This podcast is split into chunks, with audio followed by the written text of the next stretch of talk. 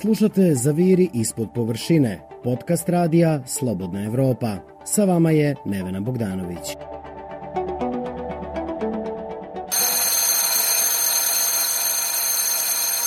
Sećate li se školskog zvona, drugara iz klupe, velikih odmora?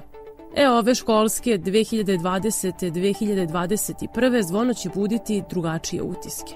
Ova školska godina je zbog epidemije specifična deci širom sveta. Improvizuje se nastava i povratak u učionicu. Većina dece u Srbiji je krenula u školu, u manjim grupama, sa skraćenim časovima i uz obavezno nošenje maski. Delovi nastave se i dalje odvijaju online, ali ima onih koji nisu u školskim klupama i to nije njihov najveći problem. Ja sam Nevena Bogdanović, a u ovom podcastu Radija Slobodna Evropa zaviriću u Centar za azil u Krnjači na domak Beograda. Ovaj centar je zamena za školsku učionicu za više od 50 dece, izbeglica i migranata. Sonja je iz Afganistana. Ima 11 godina i u septembru je upisana u peti razred jedne beogradske osnovne škole. Drugare i drugarice iz odeljenja nije videla – zato što deca iz centra u Krnjači nastavu pohađaju online. Prate časove na daljinu na radio televiziji Srbije, a nastavnicima šalju domaće zadatke. U kampusu mi rekli da je to odluka roditelja i zaposlenih. Mera predostrožnosti zbog epidemije. Koji si razred završila sad u junu? Završila sam i treći, i četvrti, i sad peti. Sad si u petom razredu? Da. Sad više ne idete u školu, ali tako? Ne, sad je, rekao su da je malo online, posle toga idemo u školu. I sad dok je online, šta radite? Pa ovde u Bareka 17 ili 16 tamo idemo, ima neki televizor i tamo no onda tamo učimo. A šta ima na televizoru? Pa iz matematika, srpski i to. Časovi? Časovima, da. Ja dobro razumeš srpski? A ti teško da pratiš tu nastavu? Pa, ne znam. A imate domaće zadatke? Imamo. Pa kad je, imamo domaći zadatak, idemo tamo ovde negde ima neki kutak, negde tamo, pa ovde iz kancelarija neko ide, ili Milica ili Stefani, ide tamo sa nama i pomaže i kaže kako je to. Jel imate knjige, učbenike? Ne, nema knjige, samo ima neki sveske. Na sveske prepišemo. A jesi u kontaktu sa drugarima i drugaricama iz razreda sad? Ne. Samo učiš? Da. Sve vreme vanrednog stanja u Srbiji, 53 dana od polovine marta do početka maja, Sonja je bila u karantinu, zajedno sa ostalom decom u kampu. Ni deca, ni odrasli nisu smeli da napuštaju kamp, oko kog su stražarili vojnici. Sada je situacija drugačija. Vojske nema, stanovnici kampa mogu napolje, ali vodi se evidencija o njihovom kretanju. Sonja mi priča da je tokom izolacije učila. Prošlu školsku godinu završila je sa odličnim ocenama. Kako si prošla prošle godine? Jeste imali ocene? Da, imali smo. Moje ocene su 4 i 5. Bravo, svaka čast. Voliš da učiš? Mhm. Ja voliš da ideš u školu? Da. Šta najviše voliš? Koji ti je omiljeni predmet? Matematika. Teško je, ali volim. I šta još voliš? Matematik i likovno. Likovno, voliš da crtaš? Da. A jezici, koje jezike učiš? Pa učim ovde isto engleski i pa srpski znam, ali učim još. Ja voliš da se družiš ovde sa decom? Mhm. Imaš puno drugara? Da. Igramo ceo dan. Igrate se? Da. Šta Idemo malo malo, igramo žmurke između dve vatre i futbal. Neki igre nađemo i igramo. I ti igraš futbol? Pa ja ne volim samo stanim, gledam malo, ponekad igram. I Sonjina sestra Halima ide u osnovnu školu. Ona je u četvrtom razredu. I kako je ovde u kampu sad? Dobro. Šta radite? Ništa, igramo sve što. Kad si počela da učiš srpski? Evo, Kad bila sam ovde, došla sam da učim sam srpski. Mhm. Pa super pričaš. Tako i bolje me je sesar da uči sve srpski. Tako je ne znam baš. A šta još učite ovde u školi? A pravimo nešto stvari, sve šta radimo ovde da je deca. Igramo, tako imamo igračke. A matematika? Radimo ujutro u 10. dok hoćemo da radimo i završimo kurs matematike. Matematika, matematika la, lako, mogu da radimo brzo to. I srpski lako, isto mogu da radimo to. A šta najviše voliš da radiš? Više matematika. A šta možda baš i ne voliš od predmeta u školi? Mm, to je ne znam. Sve što volim tog ja. Baš ne volim francuski, to da pričam. To je tako. I imaš drugare ovde koji idu s tobom? Imam, više deca. Uh -huh. Ima više ove deca i idemo, igramo, sve što. Dečija igra o kojoj su pričale Sonja i Halima prva je slika koju vidite u centru za azil Krnjača. Udaljen je 7 km od centra Beograda i reklo bi se da je blizu, ali nije lako doći do baraka izdvojenih iz naselja u industrijskoj zoni na skretanju sa Pančevačkog puta. Taksi do tamo neće da ide i u to sam se samo uverila, a stanovnicima kampa na raspolaganju je jedna autobuska linija do grada. Dok su deca išla u školu imala su obezbeđen prevoz i pratnju radnika komesarijata. Sada ti radnici deci pomažu u improvizovanim učionicama u kampu. Imaju svega dve opremljene prostorije za nastavu. Sa Milicom Stojanović, jednom od radnica centra koje su zadužene da pomažu u nastavi, ulazim na čas. Dve devojčice iz Afganistana imaju prve časove srpskog jezika. Pomaže im Safet. On je zaposlen u kampu i govori arapski. Devojčice imaju 7 godina i uče gradivo prvog razreda. Kako se zoveš? Ritač. Ritač. Bravo. A ti, kako se ti zoveš? Abir. Abir, bravo. Znači, za današnji domaći zadatak imamo da povežemo tačkice, ok? Tačkice, tačkica. Tačkica. U kampu sam uz pomoć Safeta koji mi je prevodio sa arapskog pričala i sa dve mame. Lisa Rasuli iz Afganistana ima dva sina. Sada su četvrti i šesti razred. Tri godine žive u Krnjači. Bilo je, bilo je u redu. Pre one pohađali su nastavu sa ostalom decom, išli su u školu, ali već sada one zbog ove situacije sa koronom ostaju u, u centru, u kampu. A da li ste u kontaktu sa nastavnicima uh, iz škola? نه یک مسئول است که در موافقت که زمو گپ میزنیم با استادان Ne, mi, mi razgovaramo sa onima koji su odgovorni za to, misleći na komesarijat, a komesarijat je taj koji obavlja svu komunikaciju sa obrazovnim ustanovama. I šta kažu uh, dečaci? Je li im sad teško da prate nastavu online? ایش کمپ خوب است به خاطر که آنلاین درس میخوانن و پیش نظر ماست داخل کمپ است Što se mene tiče, a vidim i dece, ovaj, mnogo im je lakše od kada su u kampu, la, nekako su mi na oku i tu su u mojoj blizini i mogu više da im se posvetim. A takođe i bezbedniji su ovaj, kada je u pitanju COVID, korona.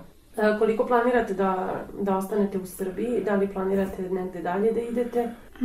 نه خیر میخوایم بریم چون اونجا یک برادرم هستم میخوایم پیش از اون želimo, ovaj, trudimo se da, da, da nastavimo svoj put dalje, pošto u inostranstvu izvan Srbije imam, imam brata, ovaj, tako da bih htela da se spojim sa njim.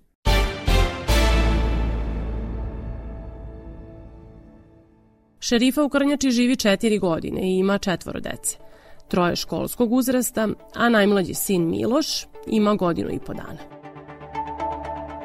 اینم اینجا به دنیا آمده به خاطر که مردم سربیا خیلی میمون نواز هستن Ove, po, Miloš se rodio ovdje u Srbiji, a s obzirom na to da je srpski narod i Republika Srbija prema nama bila jako fina i prijatna, دوست دارم اسم وزیر میلوش گذاشتم zavolali smo i Srbiju i zato smo i u to ime dali i imenovali dete kao Miloš.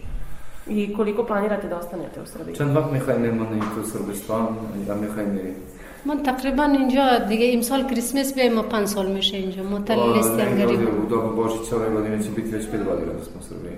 ما تل لیست بودیم دیگه لیستی هنگاری Čekali smo tu neku mađarsku listu koja je bila oformljena. Starija deca ovde su išla u školu. Kako je to izgledalo, a kako izgleda sada za vreme epidemije, zato što deca moraju ovde u kampu da uče?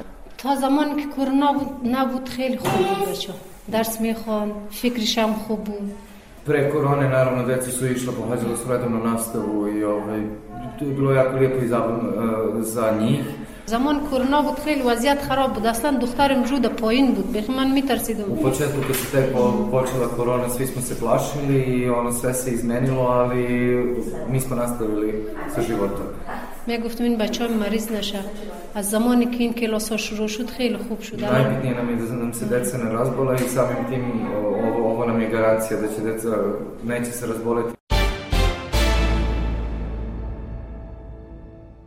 Najbitnije je da virus ne uđe u centar, jer bi se teško zaustavilo njegovo širenje.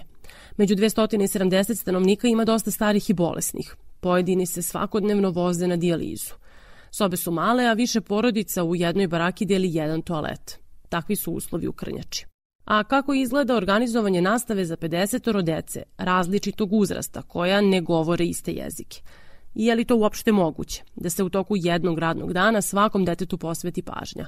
Ima li kamp u Krnjači dovoljno školske opreme za njih? To su deca koja su u Srbiju došla bez osnovnog.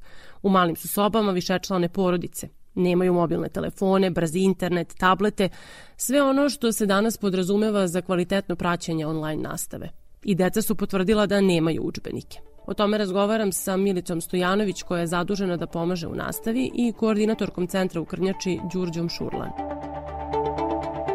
Pa uhodavamo se. Mm, Ovo je novina za sve. Tako da nije, nije tako strašno kao što smo mislili da će biti A što je konkretno tvoj zadatak kada je reč o, o online nastavi?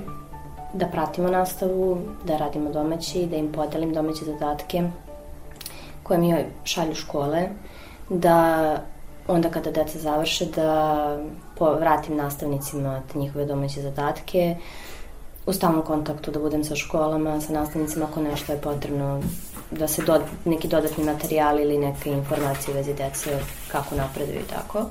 Sve, bukvalno sve što se tiče dece. Od vakcinacije sistematskog, baš sve. Deca su različitih uzrasta, različite razrede pohađaju, koliko je to teško sada uskladiti? Pa, i nije i jeste. Većina dece, mislim, skoro sva deca su nova, pa tako da gledamo e, da ona starija deca koja su još uvek tu i koja znaju srpski, da nam ona pripomognu da napravimo tako grupu od par dece, da jedno dete barem od petoro, šestoro dece uvek bude neko koje zna srpski. A školska godina je tek počela, da li je počelo i ocenjivanje, kako će to da izgleda? Mm, Joj, ne znam. to, to stvarno ne znam. To sve zavisi od škole do škole, od nastavnika do nastavnika, bukvalno. Kako, kako i oni budu sad i ovo je novina za njih. Oni stvarno uvek izlaze u susret deci i njihovim potrebama da bi oni dobili što realnije ocene i opet da nikome ne smanju ocenu zbog jezičke barijere. Da li imate problema sa obezbeđivanjem učbenika, ostalih učila, sve što je potrebno deci za nastavu? Pa u suštini ne, svi oni imaju i sveske i olovke i sav taj potrošni materijal koji jednostavno svako dete mora da ima. A učbenike? Pa znaš kako, za učbenike trenutno, oni trenutno nemaju učbenike, jer prosto se nastava učitelji kada šalju domaći, oni gledaju da to prilagode njima zbog jezičke barijere. Jednostavno, za takvu decu trenutno nema knjiga, to jest dok malo se ne uhodaju, pa ćemo vidjeti za kasnije kako će funkcionisati i koje, dete, koje dece će nam ostati i, i tako. A da li si ti ranije radila sa decom? Šta si po profesiji? U komisarijatu nisam radila ranije sa decom do pre tako dve, dve i po godine. Ja sam ih prvo pratila u stvari u školu, bila im pratnja. Menja se, kod nas se samo nešto menja. Kako, kako oni funkcionišu, tako moramo i mi, pa se uhodavamo. Mi stvarno imamo sreću da je jedan broj ljudi iz migranske populacije zatražio azil u Srbiji i da su ostali da rade u Beogradu za različite organizacije kao prevodioci i da su vrlo voljni da uskuče svaki put da, da pomognu i oko domaćeg zadatka i oko srpskog jezika. Ono što, što je, da kažem, za svaku pohvalu, to je što su deca pokazala veliko interesovanje da idu u školu i ako su roditelji, da kojim Srbija nije željena destinacija, ovaj, da su ipak prihvatili da se deca obrazuju i da deca ne gube vreme. Malo to ide usporeno, će biti učenje kod dece koja tek pristižu i kojima je jezik, jezička barijera veliki problem, ali ovaj, radi se o deci koja stvarno jako brzo nauči jezik. Imaće našu stvarno svu pomoć, znači nama i kad su deca išla normalno u školu, na redovne nastave, oni dođu sa tim svojim domaćim zadacima i onda se mi svi koliko nas ovde ima angažujemo da objasnimo šta treba da se uradi u tom domaćem zadatku. Znači, deca nisu išla sama u školu, išli su u pratnji i neko je uvek pratio, zato je tu Milica da otprati svu tu nastavu, šta su deca dobila za domaći i naravno, pošto ima puno dece, mora da je pomogne još neko. Ima tu u centru i psihologa angažovanih i ovaj, profesora srpskog jezika koji će pomoći da se ta...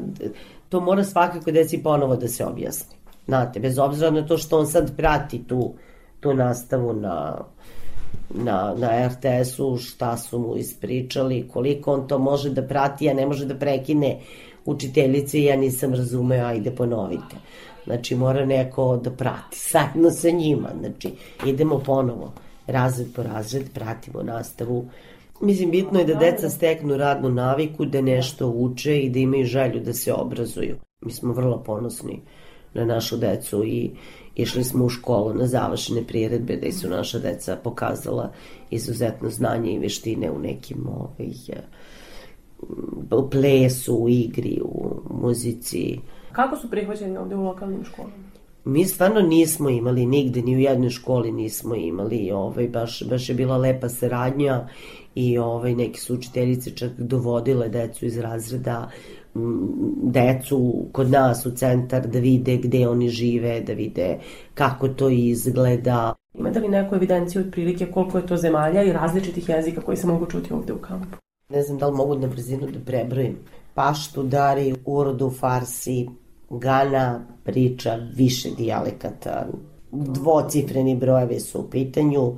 Arapski, kurdski, kineski, španski, Azerbejdžani, Gvineja, Mali. Mi sad očekujemo da ćemo stvarno dobiti još opreme koja nam je obećana da bi deca mogla sama to da rade, da ne moramo mi da... A šta je to što fali? Pa tablet, laptop, bilo šta od toga što bi, da bi mogli da prate kako, da, da im ostaje, Google učionicu. Da. Google učionicu, tako da prosto Ove, pa sad mislimo, mislim nešto od toga mi već imamo sad za sada, ali se nadamo da ćemo dobiti još, da će nam obezbediti još nešto, tako da ćemo moći možda da povećamo ovaj broj dece, ali kažem vam opet, znači sada smo ograničeni sa brojem dece da ne bude više od petora u, u isto vreme u učionici plus jedan prevodilac i ako još ima i facilitator, to je znači više nego dovoljno pa vidit ćemo ukoliko se epidemiološka situacija promeni, možda će deca i krenuti normalno u školu, pa ćemo videti. Slušate Zaviri ispod površine, podcast radija Slobodna Evropa. Sa vama je Nevena Bogdanović. Krnjača je jedan od pet centara u Srbiji gde borave deca predškolskog i školskog uzrasta. To su podaci koje sam dobila u komesarijatu za izbeglice. Komesarijat je državna ustanova čiji je zadatak da zbrinjava izbeglice, migrante i tražioce azila na teritoriji Srbije. Trenutno oko 6000 odraslih i dece koji su u centrima. Migrantska balkanska ruta je aktivna od 2015. godine, a 2017. godine počela je nastava za decu u Srbiji. Svetlana Palić iz komesarijata objašnjava kako izgleda nastava za decu iz kampova u novoj školskoj godini za vreme pandemije covid -a. Zvanični su podaci da je ukupno 144 dece upisano u novu školsku godinu. E, govorimo o 144 mališana u 14 osnovnih škola širom Srbije, od toga su 37 od njih u takozvanom pripremnom predškolskom e, programu. Imamo takođe 17 e, srednjoškolaca, koji pohađaju e, školu u Sjenici, tehničko-poljoprivrednu i gimnaziju Sava Šumanović. Ne, nije odluka e, na nivou cele Srbije. Mi smo pravili anketu među roditeljima u prihvatnim centrima za azil i oni su se izjašnjavali. U tri centra e, deca pohađaju online nastavu, u Beogradu, znači u centru za azil u Krnjači, zatim u prihvatnom centru u Šidu i prihvatnom centru u Vranju, a u Banji Koviljači i u Bosilegradu deca idu e, redovno u školu, to je to duše mali broj, svega desetoro dece ukupno. Najveći broj dece je uključen, jedan manji deo nije, to su porodice koje u svakom trenutku pokušavaju da pređu ilegalnu granicu. Kada je reč o tim tehničkim pomagalima, o brzom internetu, o tabletima i u svemu tome, to je još u procesu da se sve te stvari dovedu do, do nekog optimalnog nivoa.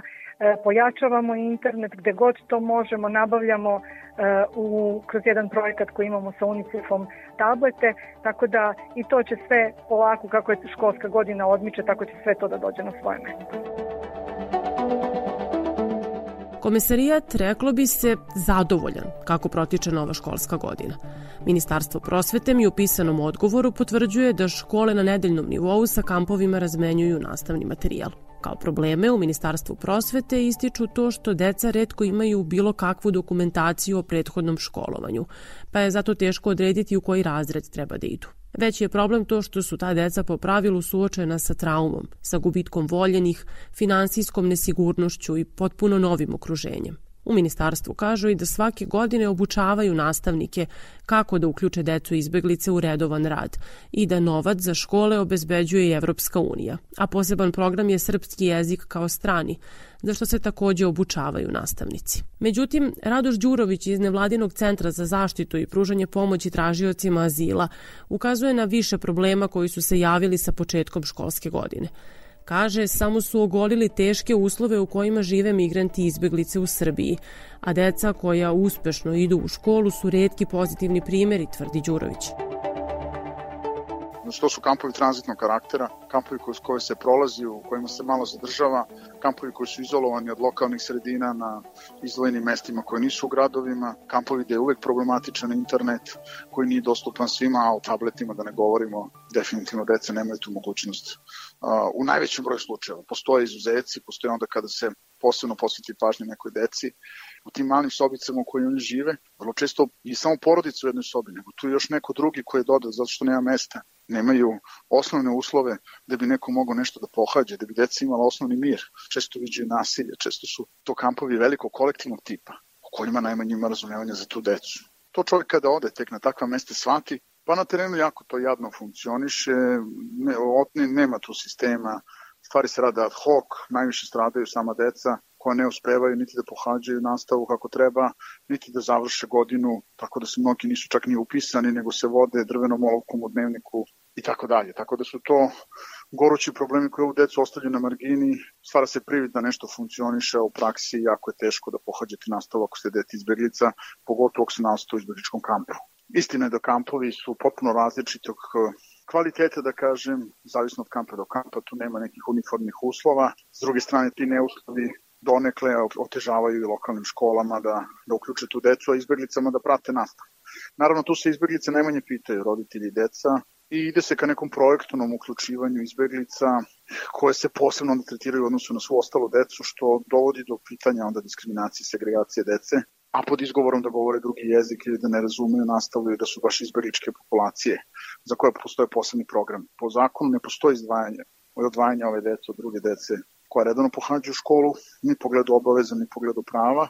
U tom smislu treba se osloniti na postojeći sistem i decu maksimalno uključivati na isti način kao i domaću decu. Pitanje jezika se često postavlja, ali u većini slučajeva deca se uključuju, vladaju jezikom, razumeju za početni neki korak, tako da tu pomoć pre svega treba da bude u komisarijatu, u kampovima, od strane prevodioca, ali isto tako se i školama ponude prevodilačke usluge, što nije slučaj.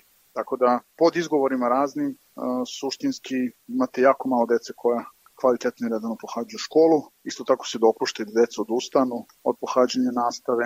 Deca se posebno premeštaju iz jednog kampa u drugi, odnosno porodice, što onda njih odvaja od sredine u kojoj su ušli u školu, dolaze u neku drugu sredinu u Srbiji gde nisu započeli obrazovanje. Tako da sistem premeštanja ljudi iz kampa u kamp takođe otežava bilo koji proces uključivanja u obrazovanje, da kažem, redano praćenje nastave nemoguće na ovaj broj uh, ljudi, izbeglica, da ovaj sistem odgovori. Znači, kako je uređeno, sve je podređeno prolasku ljudi i kratkom zadržavanju. Kada govorimo o obrazovanju, čak i ako su oni u irregularnom položaju, deca imaju pravo i obavezu da se školuju, čak i ako nemaju nikakav status. A zamislite sada kamp koji prima decu i roditelje kojima ne utvrdi status prethodno. To je prosto jedan nonsens pravni za naš sistem.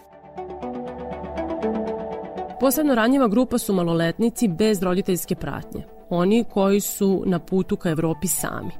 Ne borave u centrima za azil i prihvatnim centrima, već u ustanovama socijalne zaštite i dok su u Srbiji, o njima vode računa staratelji.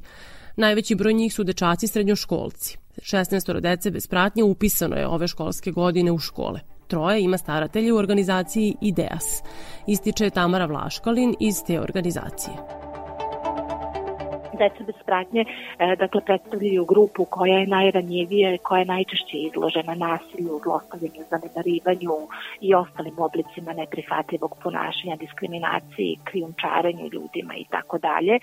Zato je izuzetno važna uloga staratelja u njihovom životu koji se ne bavi samo uh, onim delom koji se odnosi na obrazovanje, ali obrazovanje je izuzetno bitno za njihovu budućnost. Izuzetno teško motivisati tu decu da se obrazuju i da na uh, jedan uh, zdravi, razuman način započnu da grade svoju budućnost. Staratelji su u svakodnevnom kontaktu sa svojom decom i kada biste razgovarali sa decom bez pratnje koje imaju naše staratelje, u ideja su vrlo često bi vam prvo izgovorili da je to njihova, da su to njihovi roditelji. I predstavili bi ih kao mamu ili tatu ili kao najboljeg prijatelja, brata ili sestru. I ti momenti zaista umeju da budu dirljivi. Kada ih slušate i gledate sa strane. Deca bez pratnje koja redovno ili vanredno pohađaju nastavu u Srbiji su se lepo uklopila u, u školski sistem i, i pronašla nove prijatelje e, među svojim drugarima i sa školske klupe i e, uprko s ovoj činjenici da, da smo poplavljeni, preplavljeni lažnim vestima o, o izbeglicama i migrantima i njihovim lošim namerama. Jedna od najčešćih lažnih vesti e, koja se pojavljuje na nekim ekstremno nacionalističkim portalima, na društvenim mrežama, pa čak i u nekim mainstream medijima je da uh, su uh, izbeglice i deca izbeglice, pa i bez pratnje na teretu države finansijskom. Sve e, potrebštine koje su im neophodne, e, od odeće, obuće, učila, e, hrane i ostalo se obezbeđuju iz drugih izvora, iz izvora Evropske unije, UNHCR i IDS konkretno obezbeđuju za 16 dece bez pratnje sva učila, odeću, udbenike, e, uniforme, sportsku opremu i džeparac koji im je neophodan da bi se redovno ili vanredno uključili u obrazovni sistem a iz nevladinog centra za pomoć tražiocima azila upozoravaju i na još jedan podatak.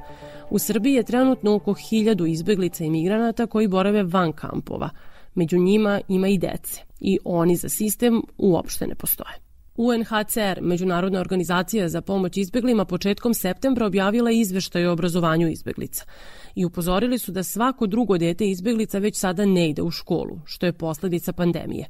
Pozvali su svetske vlade, organizacije i privatni sektor da pomognu, kako ne bismo imali izgubljenu generaciju kojoj je uskraćena mogućnost školovanja. Među tom decom su budući lekari, učitelji ili možda humanitarni radnici, kao Sonja sa početka naše priče.